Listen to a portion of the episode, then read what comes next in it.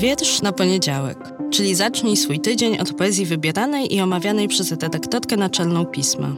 Nazywam się Magdalena Kicińska i zapraszam do słuchania podcastu.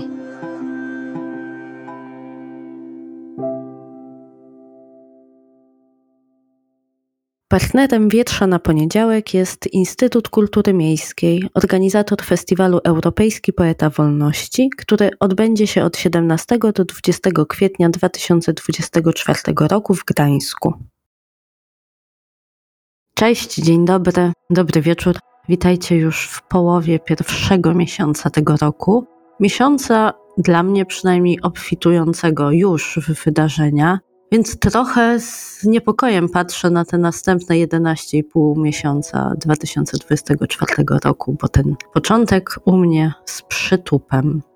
A bohaterze dzisiejszego odcinka jest Anu Herman, rocznik 1998, więc młode pokolenie polskiej poezji. Osoba poetycka, która sama o sobie pisze queer i anarchol.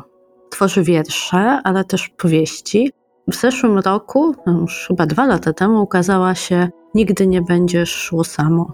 W ostatniej edycji Nagrody Literackiej Gdynia nominowana za tom poetycki Ride into pod tramwaj.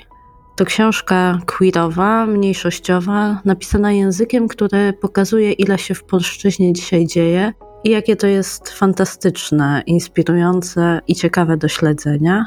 A wiersz, który Wam dzisiaj zaprezentuję, nie pochodzi jednak już z tej książki, a jest nowy.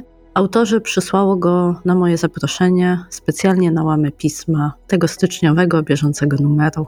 Myszy przez N. Carson to wiersz nawiązujący trochę do tych zebranych we wspomnianym tomie, ale wychodzący już chyba w nowe rejony tematyczno-stylistyczne. Ciekawa jestem, jak się będzie rozwijał język Herman i ich sposób opowiadania i zachęcam Was bardzo, byście też to śledzili. A tymczasem myszy.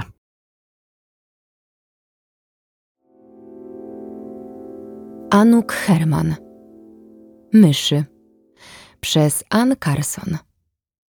Czyta Katarzyna Hołyńska Two of the corners of the napkins if they knew what paper napkins cost nowadays – Gdyby myszy wiedziały, ile kosztują serwetki, to nie obgryzałyby brzegów, nie wypluwałyby resztek, krążąc siatkami tuneli po pustych szafkach kuchennych, podskubując obrusy, wydłubując sklejkę. Gdyby myszy wiedziały, o czym mówią ludzie, to uciekłyby z domów, porzucając gniazda. Jedna mysz depcząca po ogonie drugiej – bo nie ma nic gorszego niż chrapliwe szepty, bulgoczące w rurach najbrudniejsze sprawy. Te jęczmienne myszy chcą już od was przerwy. Gdyby myszy wiedziały, gdzie się ukrywamy, to schroniłyby się z nami w zagłębieniach dłoni, w kapturach, rękawach i kołtunach włosów, w torebkach, w kieszeniach, pomiędzy piersiami – Dziewczyny schowane pod ziemią, zamknięte pod schodami. Dziewczyny o mysich włosach? Dziewczyny z ogonami?